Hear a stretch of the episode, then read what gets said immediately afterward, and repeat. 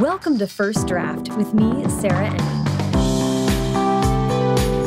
This week I'm talking to Catie Disabato, author of adult literary novels The Ghost Network and her newest, U Up, out now. It's more like, U Up? It's like the text message. you, you get it. I loved what Catie had to say about how publishing her first book led to a deeper sense of community, helpful shorthands for career success, and how she avoids correlating sales numbers with success. And Catie has a really unique publishing journey. She has published two books without an agent, and we get into all that, which I'm so excited to share with you guys. A great way that you can support First Draft is by subscribing to the podcast wherever you're listening right now, and by leaving a rating or review on Apple Podcasts. Also, if you go to the website, firstdraftpod.com, you can check out the show notes for this episode, which has links to all the books that Catie and I talk about. First Draft is an affiliate of bookshop.org, so when you click those links and buy the books, it helps to support the podcast and independent bookstores at no additional cost to you. The very best way to support First Draft and get a lot of cool stuff is by signing up for the weekly newsletter. Every Friday, newsletter subscribers get exclusive interviews, publishing industry analysis, writing tips, and more in their inbox. Information that's useful for both new writers and seasoned vets. For example, this week there's an interview with Matthew Salesses, author of Craft in the Real World. Okay, now please sit back, relax, and enjoy my conversation with Catie Disabato. So, hi, Catie, how are you today? Hi, I'm good. I'm so glad to be talking to you about your book, about U Up. I'm so excited about it. I loved it so much. I do want to start at the very beginning, as you know, where I like to go all the way back to where you were born and raised. Um, so I was born in a town. Well, I was born outside of a town called Flossmoor. Uh, that's where I grew up. It is about 45 minutes south of Chicago, and I lived there until I was 18. I didn't move around uh, at all when I was a kid. After that, uh, I went to college at Oberlin College in Ohio. So I, you know, I just went from Illinois to Ohio, stayed in the Midwest. I went there for the creative writing program, and so I got I actually got my degree in creative writing. Then after a couple of months back home with my parents, I decided to move to Los Angeles. Like after I graduated, mm-hmm. a couple of months back home with my parents, I decided to move to Los Angeles. Sort of on a whim, a little bit. It wasn't like a full whim, but I had a so I had like a friend in LA who um, had an extra room in a house she was renting and was encouraging me to come out. I knew I wanted to live in a big city after I graduated and I knew that city wasn't going to be New York and wasn't going to be Chicago. And I had kind of always loved Los Angeles, an idea of Los Angeles. So I was like, might as well. What's the worst that'll happen? I could leave. And then I fell in love with the city and never left. And I've lived here for 12 years now. That's amazing. Uh, staying in young life, I want to ask about uh, reading and writing. I read that your first, that you were doing critique based workshops as early as high school.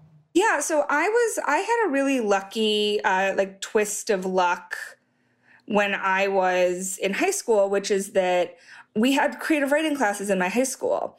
My teacher, his name was Mort Castle. He was the husband of the French teacher, Madame Chateau.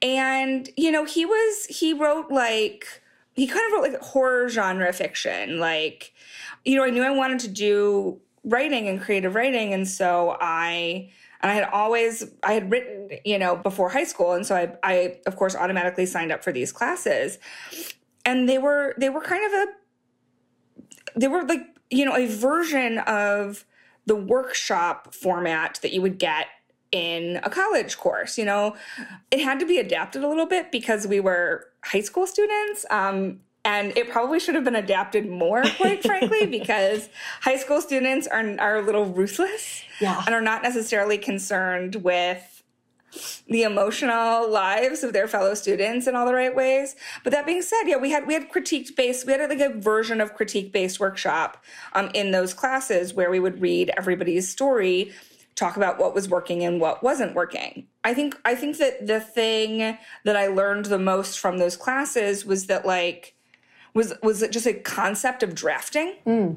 Um, I think that's how I learned that that like you don't write like, I, like you I understood revision was a thing, mm-hmm. but I didn't I think that I really started to learn then how much work you do in revision because mm-hmm. I kind of think I thought of like writing the story as the big push of work and then revision as fixing a little thing here and there, right. a grammatical edit. Whereas, you know, first draft, as I think, you know, we I would first draft, um, as I think that we would both agree, is uh, like rough, raw, and so much of the work of making um, a book good or a story cohesive is done in revision. Mm -hmm.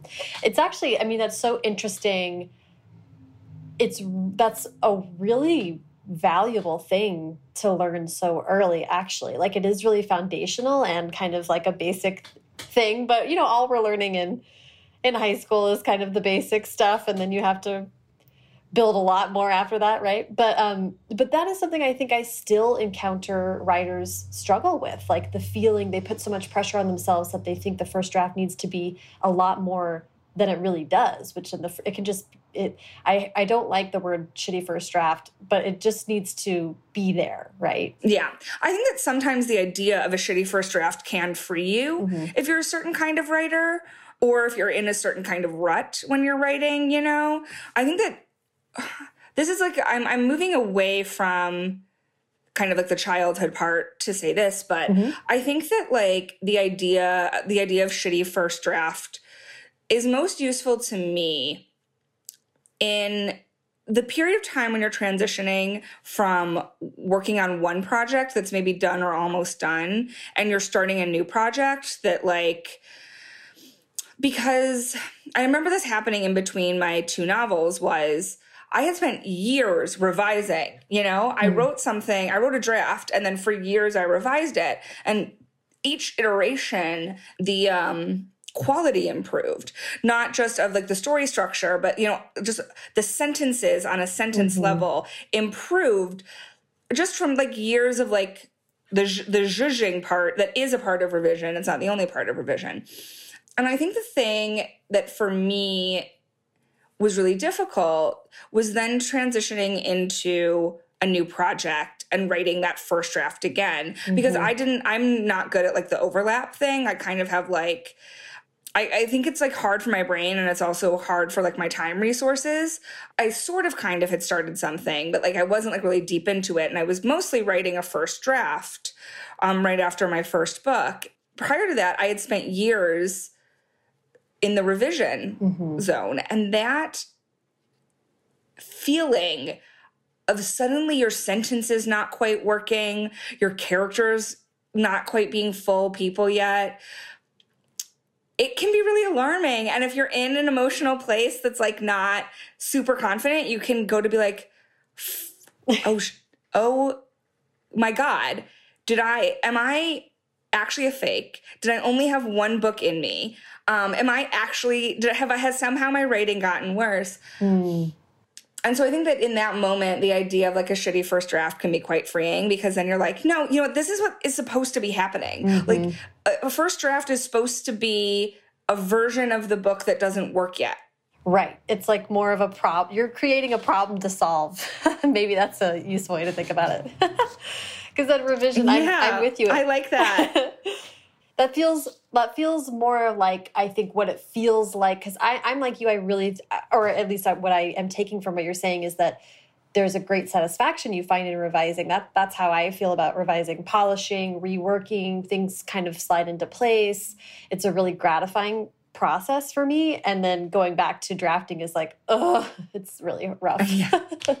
I am the exact same way. Um, I think the most gratifying feeling that I feel as a writer is you know like when you're you're in you're in the midst of a project and it's like the beginning of your writing day and you open something up and you read what you wrote the previous day if that is good you're just like that is the most gratifying feeling during writing. Is is having yesterday's writing read good um, the day of? Because you're just like oh it's working. Uh, and it can really it can really kickstart a writing session. It's true. It's true. I love that. Okay. Well i do want to i want to definitely talk about the period between your two books because i think there was a lot going on there. But yeah. first i would love for you to lead me through what kinds of things were you writing in college in your creative writing class and how did it lead to the ghost network? Yeah okay so my undergraduate uh, creative writing education was short story based as many of them are and it, it's um it was you did specialize but it was less focused specialization than you would get in a grad school course. That was one main kind of difference. Um, in your like latter years in the major, especially in your senior year, you do like one on one seminars essentially with professors where you like work on projects over the course of a semester. And you were supposed to do them with two professors, but I ended up only doing them with one professor who was also the fiction professor for my like fiction seminar. And that was Dan Chaon, who um, I really attribute to a lot of my preliminary understanding of like what writing is, what it could be, what how to how to develop my voice and my style, and additionally how to take writing as a career seriously. You know, there wasn't like a focus in as with many degrees like this, there's not a focus on like how to get published and what publishing is and that kind of stuff.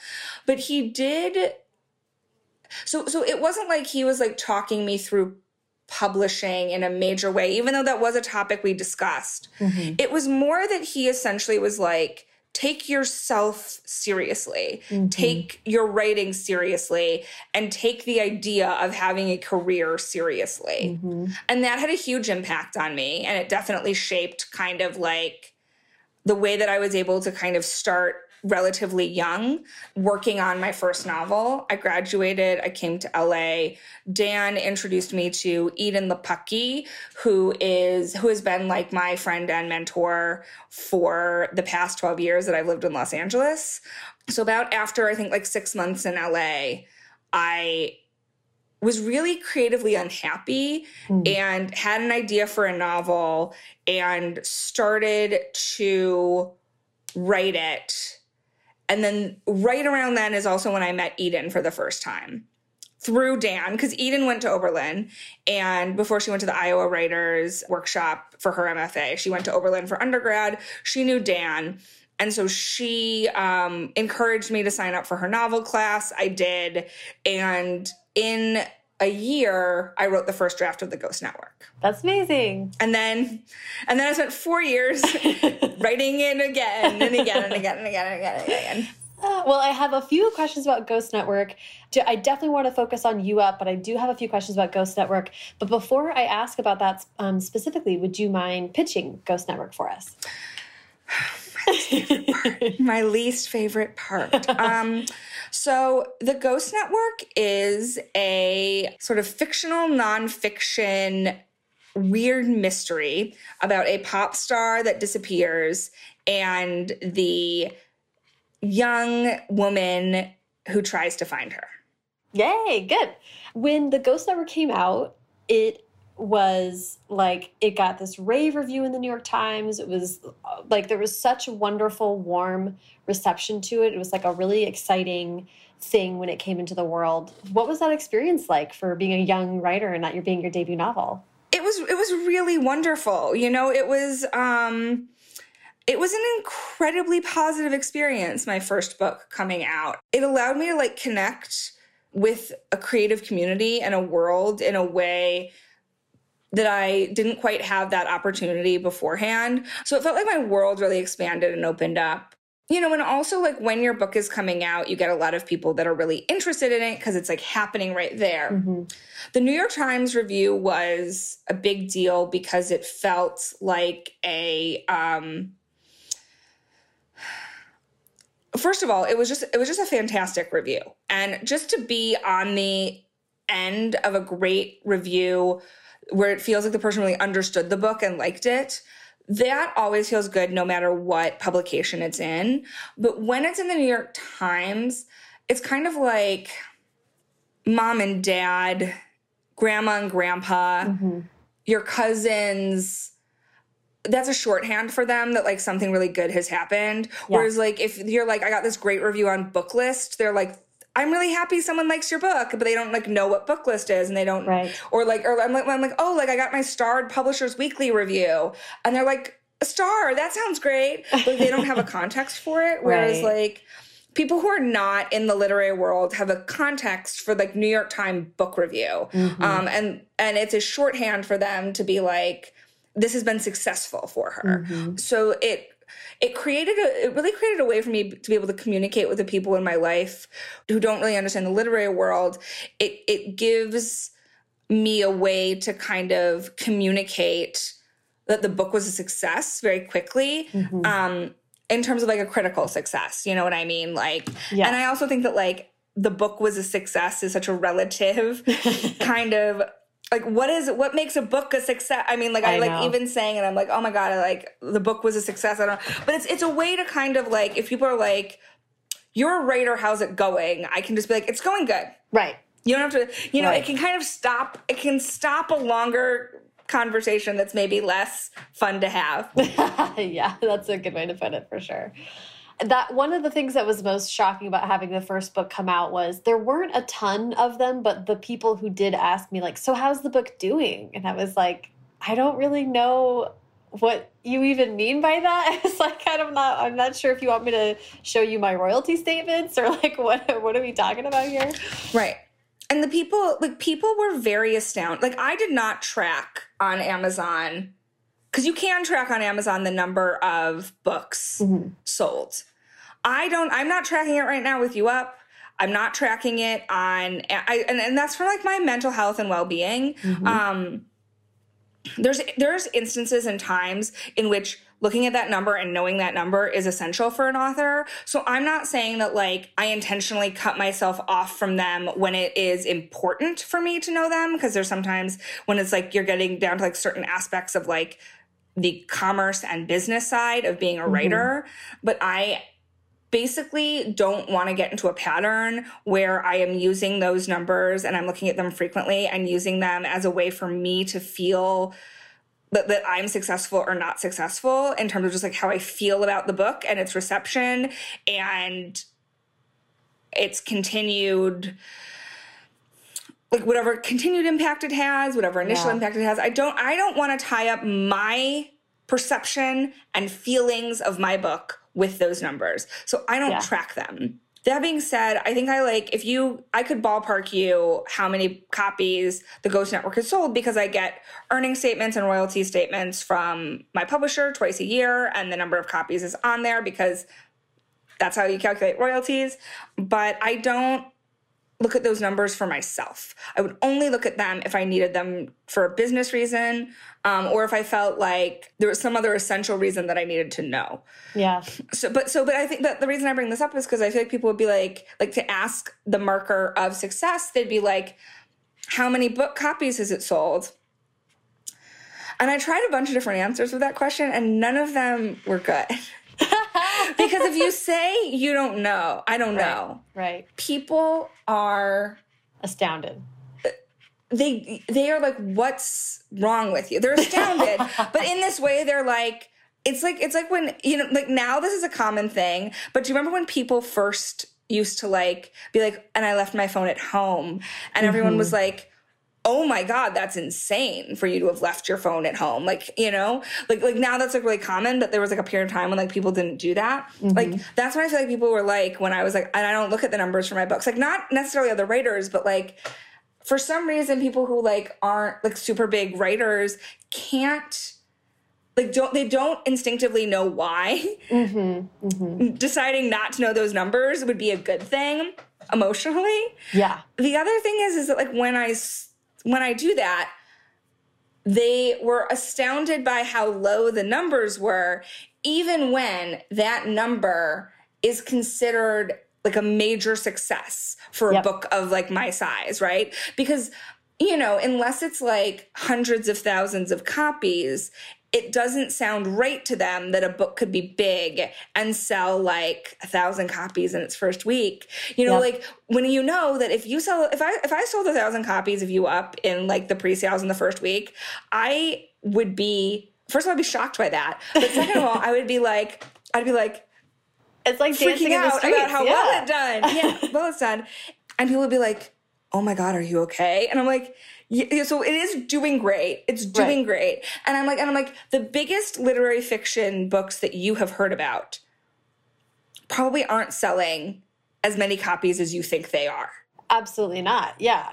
Definitely not. And then also the books, like there are some books that are selling way more than you think that they are. Like there it's such a but but those are like chapter books that for some reason take off and are read in all Texas schools, right? Like the stuff that is not the average book consumer isn't really thinking about that. Um, yeah, you're so right. There's no good answer for that. There's no good answer for that. So, so that's why the New York Times is like a great thing. So people are like, "How's it doing? How many like you know?" Even if they would ask me how many copies did it sell, I'd be like, "So I got a good review in the New York Times," and then the, it would just end the convo, and I would just be able to go on my merry way. Yeah. Oh, I love that. yeah. Okay, I want to make sure that we get to U Up, but I want to I want to ask about the period between the Ghost Network and U Up. In the acknowledgments of U Up, you mentioned that there was at least one project that you were trying to get off the ground that didn't end up um, is shelved or at least temporarily on hold. That happened in the interim. Do you mind telling me about that? Yeah. Um, so I just I, I want to say that like couldn't get it off the ground is. I think that implies that like there was like something completed, but like there was not. And so yes, I couldn't get it off the ground, but it was like I couldn't, me, as a writer doing my writing, could not complete this project. It was not ill conceived necessarily, it was not like a bad idea. I just spent two years writing something that never worked, mm. you know, I, mm-hmm. that never um, there was never a draft that was working. There was never a completed draft, and um, the character never worked. The mm the plot elements that I came up with sounded good on the good in theory and then couldn't didn't come together. It was like it just didn't it in and I, I think I maybe could have pushed and uh, like pulling teeth gotten something out of it and i don't necessarily think it would have been bad like mm-hmm. writing something can be like pulling teeth and you make incremental progress and it turns out very good i think that what this was there's parts of the Ghost Network that were like that, frankly. Mm. But this was pulling teeth and then not making incremental progress. It mm. was like just not like the changes never improved it. Mm-hmm. Um, in that iterative way that even a difficult book to write, as you change and refined, you see it get better. Mm-hmm. So then I, I got I had an idea for another book, which ended up being U Up and I was like, okay, I'm this feels like it has legs. I'm just gonna work on it for a month. I'm just gonna spend a month writing it and um see what happens, see where it goes. Like I'm not throwing out these two years of work. Mm-hmm. I'm just putting them aside for one month while I see if this other idea has legs. And that month of writing was probably it definitely was up until even now, the most productive writing month I've ever had. Wow. I will say that if I have a very productive month during the drafting process, or when I'm when I'm actually like writing a lot of scenes and not revising a lot, mm-hmm. a very productive month, I'll probably write like 10,000 words. And that's like a mm-hmm. lot. That's like a who baby, you are speeding along. um, that month I think I wrote like the first 23,000 words of the book. It wow. just like it just poured out. Wow. And I and I was work like I, I I don't think I was full time. I was I was or it might have been the month right before I went to part time. Mm. Um or something. But like anyway, like I it wasn't that I was n- like I was like every day that's the only thing I had to do. To put it in context, it was so much, so much writing so fast. So obviously after that month I was like, okay, I've got to be I this this is something here. I got to put the other thing aside. Mm-hmm. So that's what I did. I put it aside, and um, I'm never going to go back to it because it never worked, and mm. I never think about it. I, like this, I think about the experience of having written for two years and I think about that moment of deciding not to do it in terms of like my progression and my story as a writer. Mm-hmm. But I never think about those characters. I never think about their story. I never think of any of that. And if and you know as a writer that if you're not doing that, then yeah, that's so interesting. It, yeah. That's that's so interesting and it's actually really helpful to have someone talk about this cuz like I will say my uh, life as a writer up to this point has been a lot of going back to like not letting projects go. And i often have these like mini moments of crisis like is that the right thing? Am i preventing myself from moving on? But the fact is i do find myself thinking about these characters and they are alive in this really vivid and elastic way. Like they're not the same. They're they're growing in the back of my mind and doing that natural work that they need to do which is what makes me feel more confident about being like this isn't a waste of time you know yeah, your process just might be like moving away and coming back a little bit. And I don't think that like there's a world in which that couldn't like like if that had been going on with this other story, I might be going back to it right now now that U Up is done instead of going to something new but it frankly it just it that is not the experience i had at all mm. and i think that's kind of night and day mm-hmm. as a mm-hmm. writer mm-hmm. you know I'm talking about it like a little casually now because ultimately it worked out. But I will say it was in, at the time, it was incredibly scary, incredibly emotionally difficult. And I did struggle with feeling like I had wasted two years of my life. Mm-hmm. You know what I mean? Like I, I, struggled with it. I'm sort of over that struggle now. But um, I definitely, it wasn't like, I, was, I wasn't like, oh, okay, bye. Even after I knew that the other book was the, the other book, which became U Up, even after I knew that U Up was the right way to go, it still felt shitty to have spent two years working on something that was dead. Yeah. And, you know, it, it just didn't feel great. Yeah. That's also really important to talk about. And I do, just from like a really nuts and bolts kind of professional standpoint, I'd like to hear about you're in the middle of coming to this emotional shift to a new project. What does that mean in terms of communicating with your agent or your team? Was it a two book deal, the Ghost Project, that you were under contract? So, no, I wasn't under contract, which took a lot of the pressure off, you know?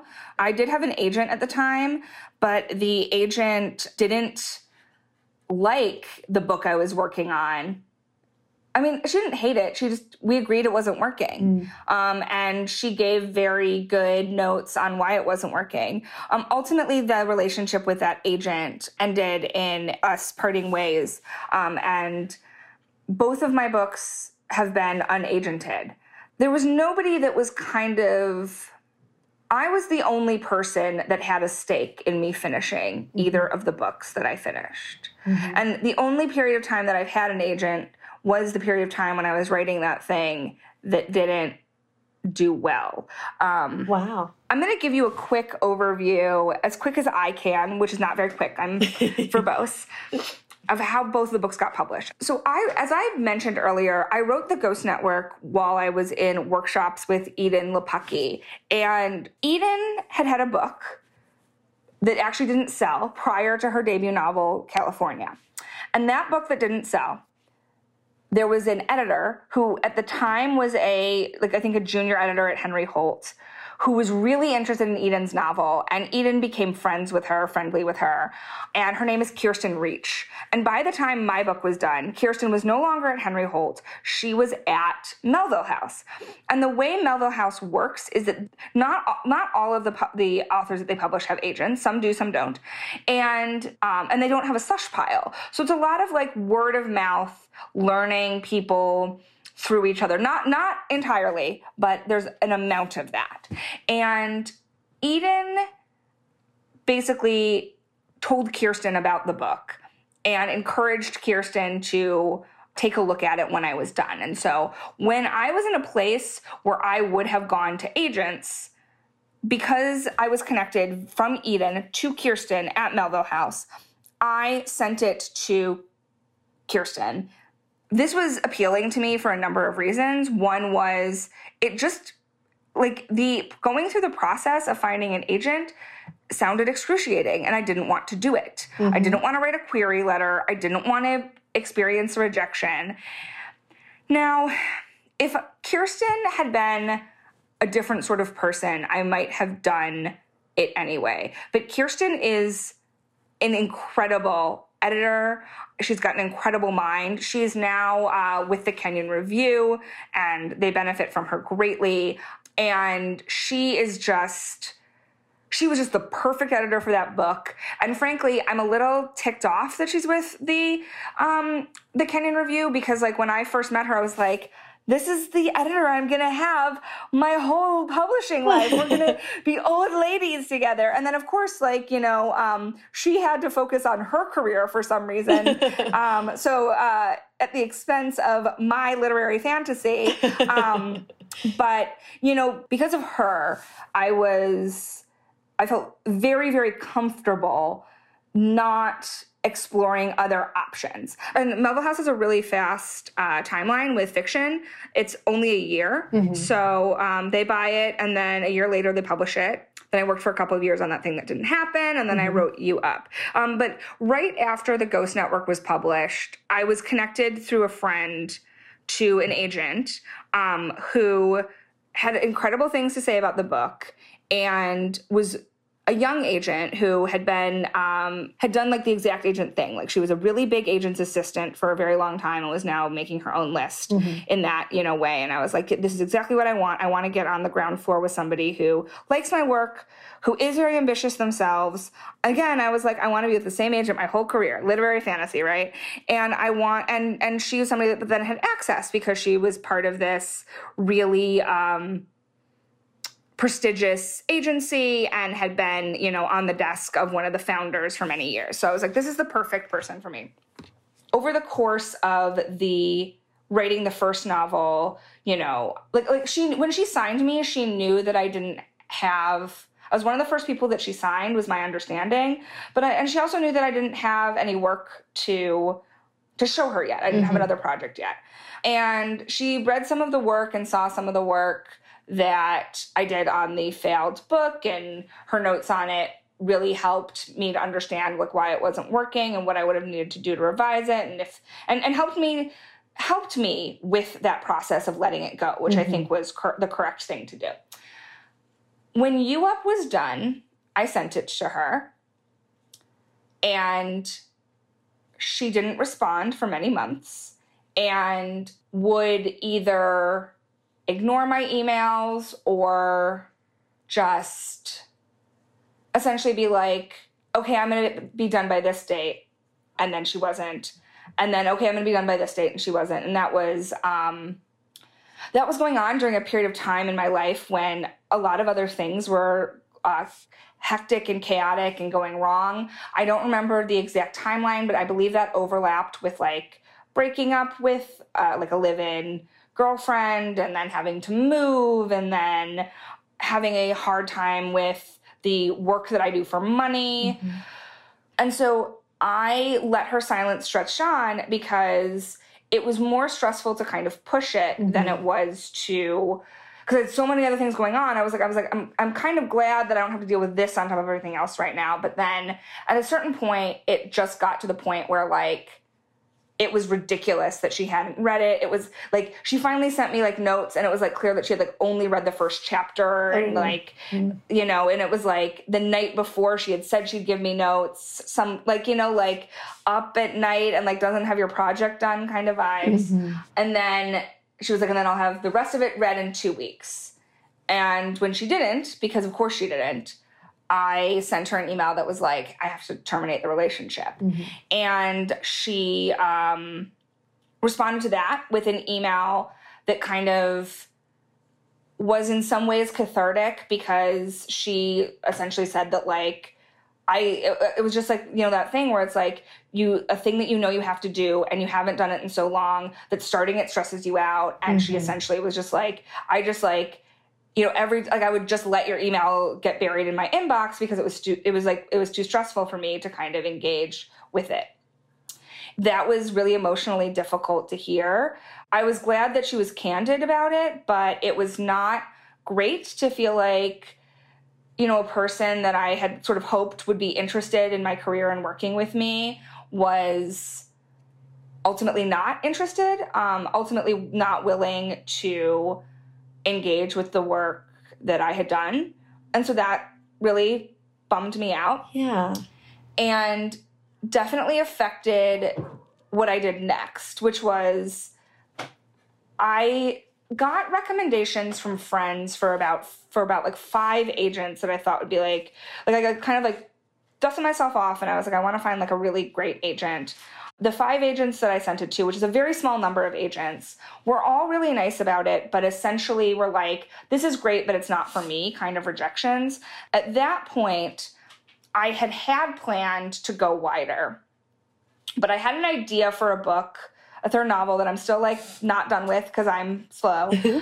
that I thought was going to be a little bit more like commercial, but still me. I was really excited about it. I'm still excited about it. And I was kind of like, right now, I could try to find an agent for this book that I think people think is too nichey and isn't going to mm. make them a ton of money, or I could go back to Melville House, where which they they would have had like I don't I didn't have a two book deal, but they had an option, so they mm-hmm, mm-hmm, had mm-hmm. to be the first people Right. to um To see whatever you to look at my next. next book. Yeah. Yeah. And we could, and it, and if I had been with an agent who was like, we're going to give them the first look and then we're going to move on, that's what would have happened. But what happened was, is I was like, I want to send this to Melville House. And I sent it to them, and the editor that they assigned me ended up being like a real gem. And I felt really positive about her thoughts on the novel, and they wanted to pick it up. And so um, that was about a year ago. and then we've just been working on it since. And now I'm really, I'm really happy with what they've done with it and happy with where it is in the world. That's amazing. I, I really appreciate you tracking that whole journey for us because it's so it's so informative. That's like a really unique publishing experience, but it's wonderful to talk about another way that it can be done. And you just found this group of people that believed in you and your work, and that's what matters, right? Yeah. Yeah. But let's dive into questions about U Up because I have many of them. Before I ask specific questions about the actual context of the book, I'm going to ask you to pitch U Up for us, please. So, U Up is the story of a young woman who, um, whose best friend also disappears, and she spends a weekend uh, kind of driving around Los Angeles looking for him. It is really a story about toxic friendship and about the relationships that we make that maybe sometimes, not that we shouldn't have them, but that they are. Um, we sometimes don't cultivate them in the best ways. And also, she can see ghosts. My elevator pitch for U Up is very bad, and I've decided never to get better. I love it. Take a stand. um, in a wonder, wonderful interview you did with Zan Romanoff, you talked about the fake autofiction as a kind of a way to talk about the main character, Eve, who is a sort of version of yourself, or, or can you explain what you mean by fake autofiction? What I want to say is, I don't really feel like Eve is a version of myself, but she does things um, and goes to places. She does things I do. She goes to places I go to. She inhabits a world that I also inhabit. The fake autofiction is more like a lot of the books that inspired this book are a little bit autofiction. So some of the actual craft elements are kind of similar to like writing from life. But um, I consider this like fundamentally as a character, she's very different from me. And I don't think of her as a version of me.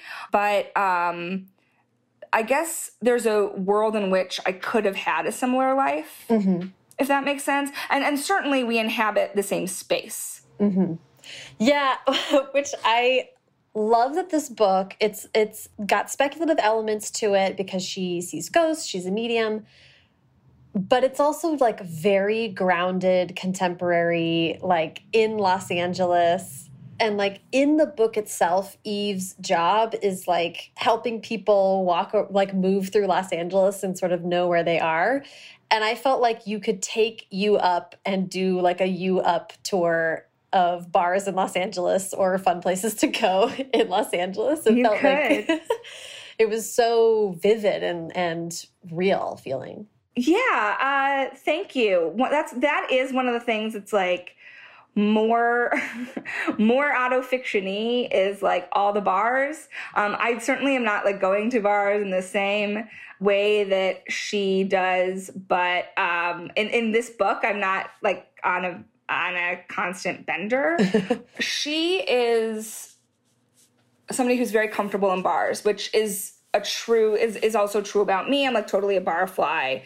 It's like a place that I love to socialize and they are spaces for me that are like really f- friendly, fun, and familiar. Um, and so I put um, a lot of my favorite bars and a lot of my favorite spaces into U Up. Um, again, this is to the fake autofiction thing that's like the places she goes and the moves she makes are things I would do right? Like I would go to a restaurant to sit with my computer or a bar or a restaurant to sit with my computer and work. I would um, meet a friend to chat at a bar. I would meet a friend to chat over dinner and have like margaritas and queso, you know? Like like when she needed somewhere to go, I sent her to some place that I would go mm-hmm. in the same situation. Yeah, and so I think that um the way that I feel happy and comfortable in bars is definitely something I gave this character. Yeah, and, and it really it translates to a kind of thing that I think contemporary writers have to have to make a decision about one way or the other, I think, which is either you com completely come up with a fake place and fake places to inhabit so that you can't, so that you're not beholden to any needs besides the needs of the book, or you really commit and you have a place and it's very specific and you just dive into that. I think people that try to dance on the line there often do so at the sacrifice of at least for me the the the do I want to use the word verisimilitude right now? I don't know if I'm that cool. But if but I think you committed to place in a way that was like, okay, now I can disappear into the book because it's so committed to being LA right now. Yeah, and I what I want is for like the LA reader to really feel like that like this is like that they know the places and they're really familiar. Whereas like a reader that's like not familiar with LA should be experiencing Eve's familiarity, mm-hmm. you know, and Eve's specificity mm-hmm. of place um so like i think that it, i think it works if you don't know the bars and it's an easter egg if you do mm-hmm. that was that was my goal and intention and one other thing i should say about that is that covid actually helped that a little bit i think in the sense of like as i was revising over the i think i only spent like three years on this one, if I'm counting the years correctly, including that year after Melville House bought it and we worked on it. Mm-hmm. In the revision, there was some updating that I did um, because bars would close mm. and you know echo park was changing really quickly like and so you know i would be reading the story of like her I, I, there was one big one where like she was walking down the street and something was there and then it closed mm. and then i was like gonna change the scene mm. and all of this stuff um and I had to like update some things because like they were no longer the like what was in the neighborhood. But then when COVID happened, it was like, okay, this is obviously a pre-COVID book. There's no way this is I'm gonna like adjust this. I had right. like a moment where I was like, should I make this like the weekend before COVID oh, and add that sense of dread into it? And then I was like, no, I don't need to do that. Um, I think I think that's a, that's a good idea for a different novel, but like didn't fit this novel mm. thematically. Um, it just didn't work. I was like, so this is like a pre-COVID book, and when that happened, I stopped updating it. But like probably like this is a book that takes place in about 2018. Mm-hmm. So this is it's not a book that's connected to the specific world events, even though it happens like on a specific like in a specific time on a specific weekend and you could create dates for these days if you wanted to. You know, it's like the early, it's like the late spring, very early summer. I think I originally conceived of it as maybe being May mm-hmm. um, in terms of like LA weather. Um, but Trump is president and Echo Park is the way it is, mm-hmm. And I stopped updating it. And that was actually quite freeing because I was like, I can be really specific here, but it doesn't have to be, but, but like, the the very recent past gives you a lot of actually freedom to be even more specific mm-hmm. because you don't have to worry about becoming outdated and having it be vague mm-hmm. um, and, and having to be vague and when you worry about being outdated if that makes sense yes yeah it does and that's yeah i appreciate you speaking to it because i think it is i especially have been interested in hearing how other contemporary writers are dealing with books coming out right now books coming out in the very near future it's a big question that everyone has to answer for themselves in their project to what extent you want to yeah. address COVID or at least in your own in your own mind the context of the world know what, where COVID fits into that. So it's you had to do it on such a tight timeline too. I mean that's really impressive. The, the thing that really really really struck me about your writing too that I thought was so that, that I, I feel like it's done so well, but I also felt very envious of it as another contemporary writer because this is just like a difficult thing that I identified in my writing was that your writing is so um, physical. I felt very connected to, you know, it's called U Up. There's a big theme of Eve using text messages, Instagram, social media. She's very digitally alive, but she's also very physically alive in the book. In particular, there is one one section of the book where she is dealing with a hangover and the way that you detailed dealing with a hangover, I was like, I don't think I've ever read something so accurate in my entire life. it's like I feel very seen by this passage. um, I just am interested in what, in how you think about that. That seems like a really pivotal thing to your writing. Um, I'll talk about that. I'll talk about it in general and that scene specifically. In general, I actually find that to be a very hard thing for me is the physicality of a character. Like you really want to crawl into a character's head because it's all sort of happening in there. And so keeping things physical is something I'm consciously thinking about all the time when I'm writing. So it is something that I really like in work and like in my work and I and I'm very interested in like the body and like the the feelings in the body and the body beautiful and the body grotesque. And so as a writer and a reader I'm really interested in it, but I do have to keep my mind on it when I'm writing. Um because I I think it's I think it's something that I'm naturally instinctually focused on, mm. but is hard to kind of instinctually be writing. It's something I have to be consciously writing.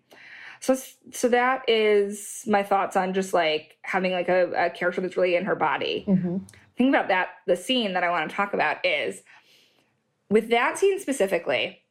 I've never had to do that walk after a hangover, but I've definitely had some like hangovers and then you're walking through Echo Park and it's very hot and mm-hmm. it's very mm-hmm. loud and just feeling like so ill and like why isn't everybody like looking at you and like realizing how like disgusting of a creature you are um, i've definitely had like mornings like that but i was there's a book that i love one of my favorite books, which is called Cassandra at the Wedding. I don't know if you've ever read this. Mm-mm. It's a classic. Um, the New York Review of books, classics, imprint.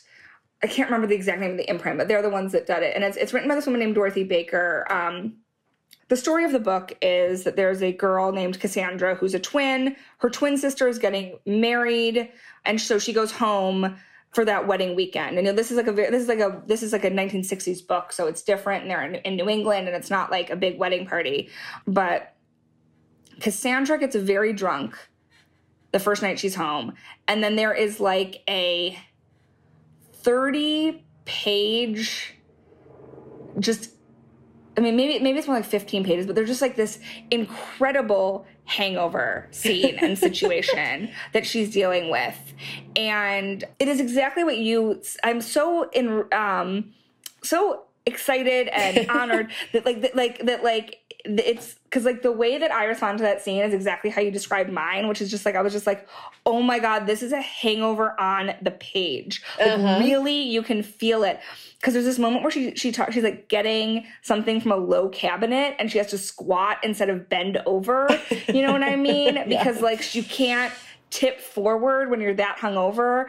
And so I was like, I like, so the scene is a very different scene. Mm-hmm. Like she's like having to deal with her grandma and is like making like a vodka egg, like orange smoothie thing in order to try to get, so it's like a very different scene, but I wanted, it was like, I was like, I want to write like the hangover scene that just feels like a hangover. I was very inspired. and so I'm really glad to have achieved that because it was, it was a deliberate goal of mine with this book was to like write the hangover. Oh, that's amazing. I'm so glad I asked that question then because that was definitely like a scene where I was reading it and I had to like put the book down to be like, you know, when you really get into a book, you're like living it. So I had to put the book down and be like, I yeah. am not even like I have not even had a drink today. Like I am not hungover. Yeah. I'm just reading and, re and, reliving the that experience that I've had so many times. um, yeah.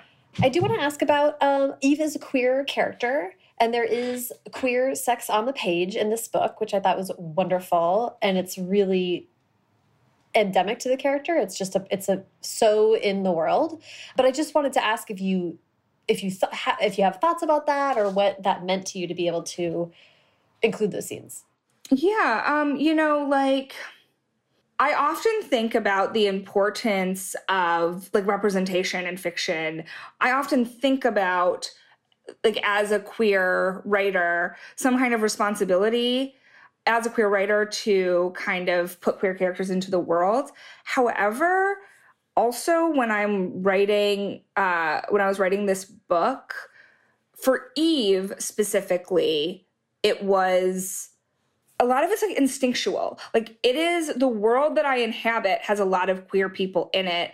And so um if i'm like building a group of friends that group of friends always has queer people in it because that's the world I live in, mm-hmm. right? Where it's like even my most straight friends groups have um generally at least one other queer person in it uh, besides myself, but sometimes any any friend group I'm in will have a queer person in it because I am in the friend group, right? Mm-hmm. So it is just part of it's it's like if you're writing from your life, if you're building a world and characters and you're like pulling little things from life, I'm always going to have queer people because that's the world I live in.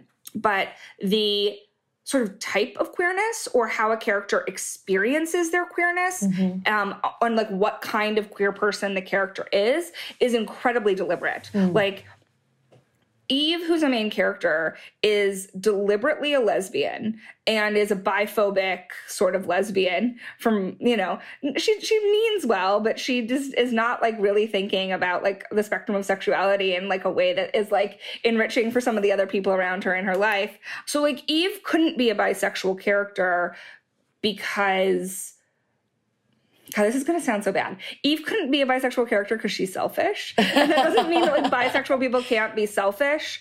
But and, and maybe but what I mean is like Eve is not aware of the fact that like like Eve is self-focused and believes that that means that she's interrogating herself, mm. but she's self-focused in a way where she's actually hiding a lot of nuance mm. about her experience and about um, other people's experience from herself mm. uh, to save herself from pain, to save herself from complication. So Eve is not somebody that thinks really deeply about her sexuality. She just has it.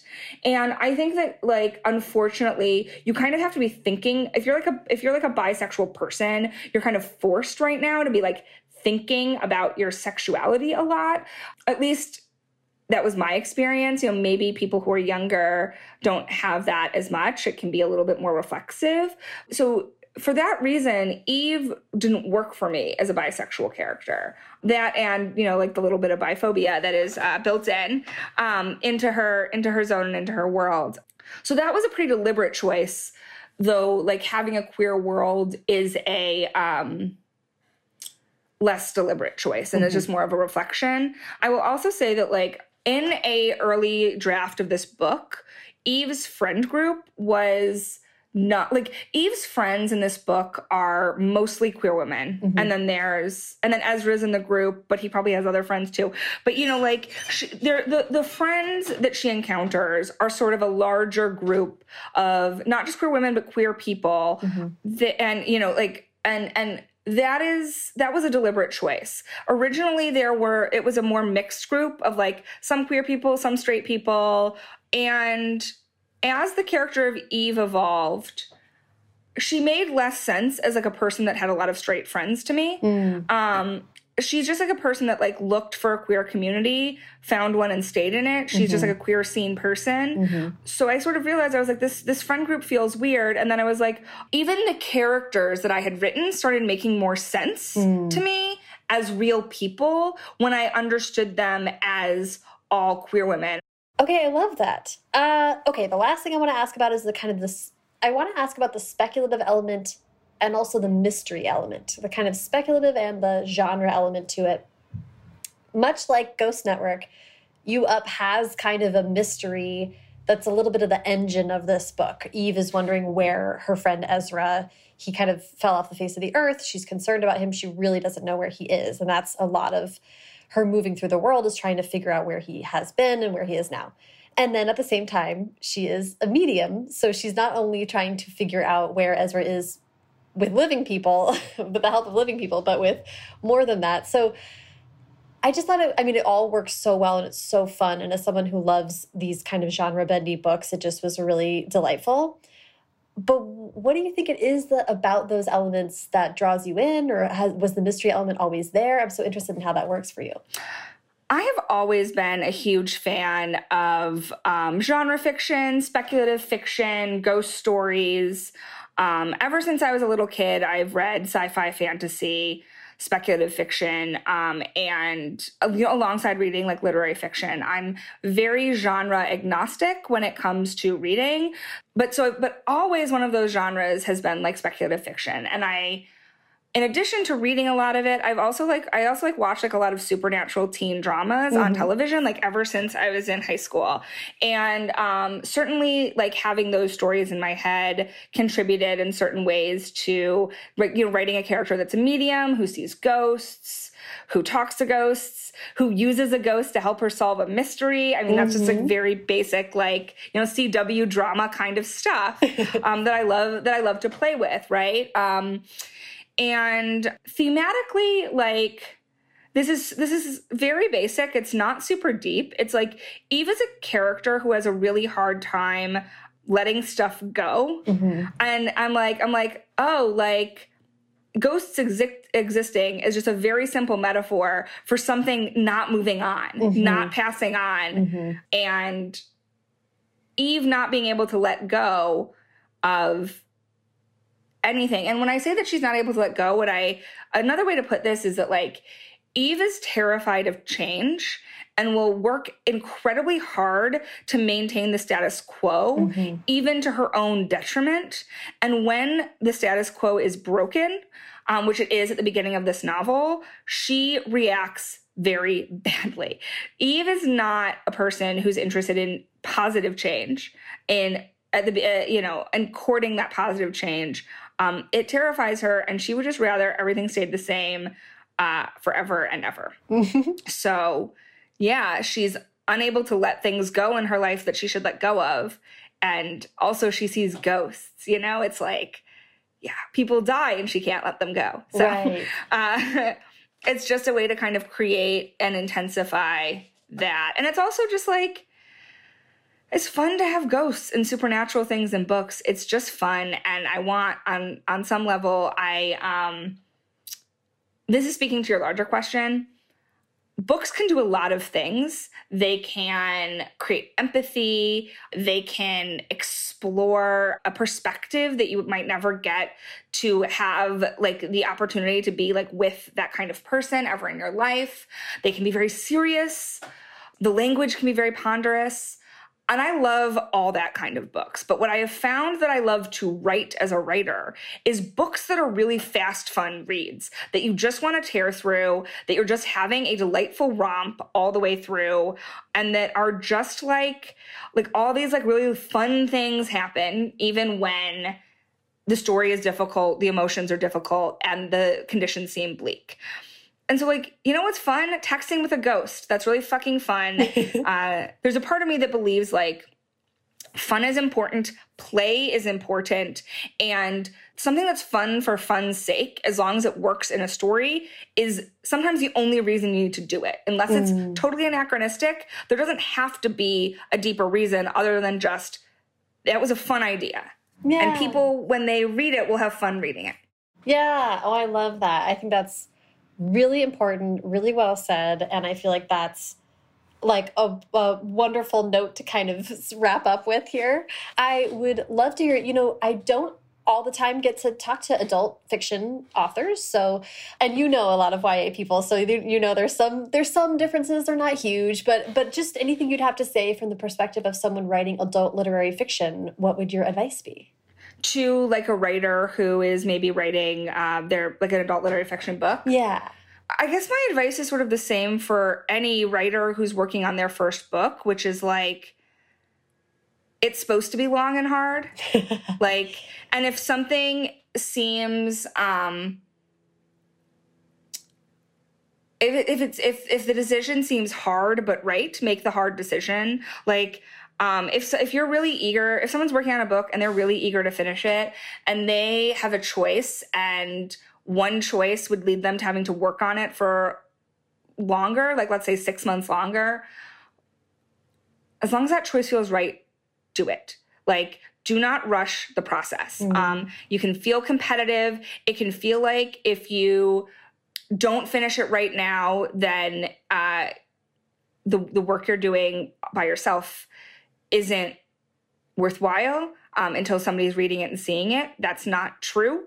Obviously, dawdling and not completing a work for like and, and, refusing to end work on something that's done is equally problematic but i see a lot more people trying to rush mm-hmm. let it take longer if it needs to mm-hmm. don't be scared to work on a project for a really long time it doesn't mean that the project isn't good Yay! I and I'm really grateful to you for saying that. And it's also something that like the biggest difference if I had to tell anyone between adult literary and YA, besides just some of the craft elements, is like I think YA writers feel a lot more pressure to like pump yeah. things through. And I admire and think we should learn from the adult literary who are like it, trust the process yeah. a little bit, right? Like kind of marinate. Yeah, and you might not, you maybe you won't put this in the podcast, but I think it was our mutual friend Zan Romanoff who told me, who helped me to understand that, which was essentially like the old idea of YA is that you have a very limited number of years with your audience, mm-hmm. so you need to be pumping out a book a year so that you can capture your audience for as long as possible before they age out, which seems outdated based on the way that we read YA now. Mm-hmm. Um, but also, I think think is probably why, you know, fiction writers, the culture of adult fiction is for for literary genres. If you're a romance writer, you've got to be pumping them out. But for right, right. for literary or literary adjacent fiction, the culture is take the time the book needs, which can be very enriching. Mm-hmm. Yes, I love that. Um, Catie, it's so fun to see you. It's so fun to talk to you. Congratulations. What an exciting day. Thank you. I loved you. I'm up. so happy to be talking to you today. Yeah. I'm so glad you loved it. Thank you so much to Catie. Follow her on Twitter and Instagram at Catie Alert. That's Catie with a C. And follow me on both at Sarah Enni and the show at First Draft Pod. As I mentioned at the top of the show, leaving a rating or review on Apple Podcasts is one of the best ways that you can support First Draft and help new listeners find the show. I'm going to read a review that was left recently. This was left by Samika P. Samika says, Sarah is an amazing interviewer. All the interviews are a good balance of writing related advice and general life advice. The Track Changes series is especially so well done.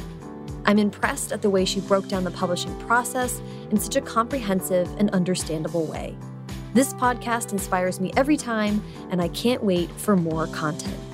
Samika, thank you so much for taking the time to leave that review and for having such a such generous things to say. I am so appreciative. I'm really glad that you like track changes. I'm hopeful to do more in the future. Um, we'll see But if you want your review read aloud like Samika's, go ahead to uh, leave that on Apple Podcasts and I will find it there. First Draft is produced by me, Sarah Enni. Today's episode was produced and sound designed by Callie Wright. The theme music is by Dan Bailey, and the logo was designed by Colin Keith. Thanks also to transcriptionist at large, Julie Anderson. And as ever, thanks to you, Mediums on a Bender, for listening.